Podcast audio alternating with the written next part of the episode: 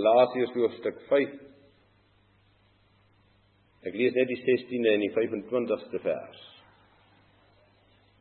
Maar ek sê wandel deur die Gees, dan sal julle nooit die begeerlikheid van die vlees volbring nie. Vers 25: As ons deur die Gees lewe, laat ons ook deur die Gees wandel.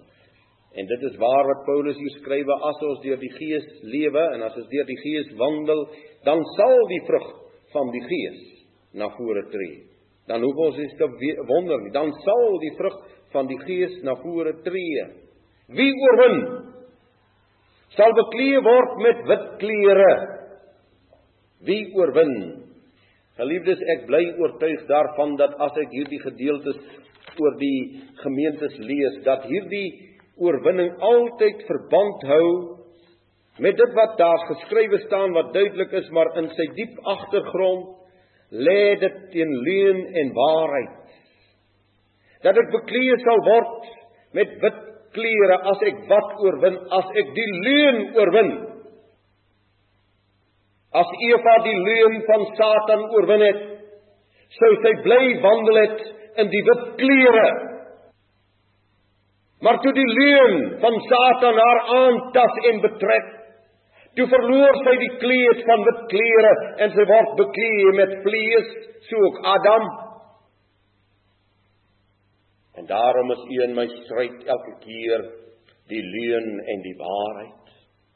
Nie net van die goddelike woord nie, maar ook die leuen en die waarheid in myself in my bestaan as gelowige. Die uitwissing daarvan uit my hart, elke leuen Die skerpste uitsprake wat Yeshua gemaak het in sy prediking was altyd teen die valsheid, teen die leuen, teen die bedrog, teen die spel. 'n Gemeente geroep en verkore met die magtige evangelie. En ek lees daar's enkeles onder julle wat julle nie besoedel nie. Laat ek maar weer vanaand dit sê vir myself en vir u uit die wagtige woord van ons Vader. Geliefdes, as ons die sonde in Yeshua dan afgelê hoe kan ons daarin volhard? Hoe kan ons sê die genade is nog groot genoeg? Ek kan maar nog aangaan. Dit is soms vir my verstommend toe dat mense ligsinnig is oor hulle sondes oor hulle verslaafdheid aan baie dinge. Die ligsinnigheid wat na vore tree, asof dit nie my skepper, asof dit my verlosser nie hinder nie, terwyl hy in hierdie tempel moet woon. Hoe begeer my hart Jawe. Hoe begeer my siel. Na die volkomme verlossing, die verheldering en die duidelikheid en die skoon word wit klere. Onbesoedeld daar's 'n verdere heerlike belofte. Hy ewige naam. Hy ewige naam. Ek sou sy naam nooit uitwis uit die boek van die lewe nie. En ek sal sy naam wat Jawe geskryf het in die boek van die lewe ek sal sy naam bely voor my Vader en voor sy engele. Geliefdes, wanneer Yeshua hier spreek, dat hy nog altyd in die middelaarskap, jy moet altyd onthou. Hy is in die orde van Melchisedek.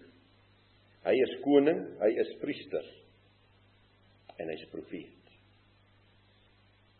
Hy het as profeet gewandel op hierdie aarde. Hy het as priester ingetree aan die vloekhout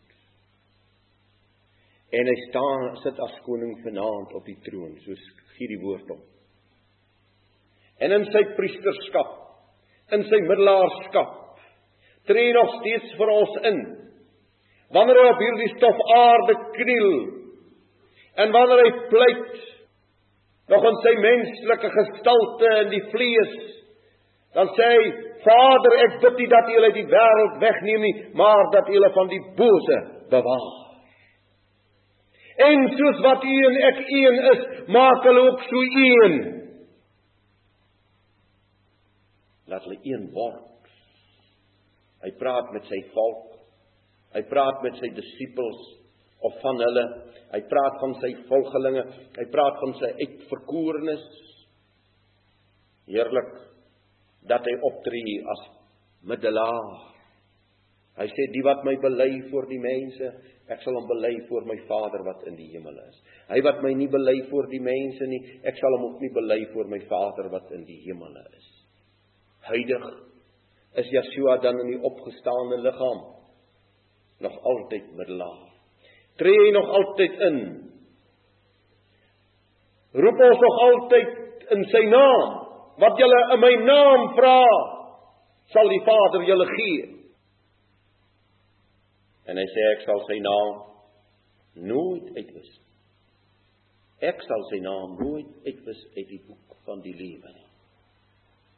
Yeshua het benaamd alle beheer en alle mag en alle gesag in hemel en op aarde.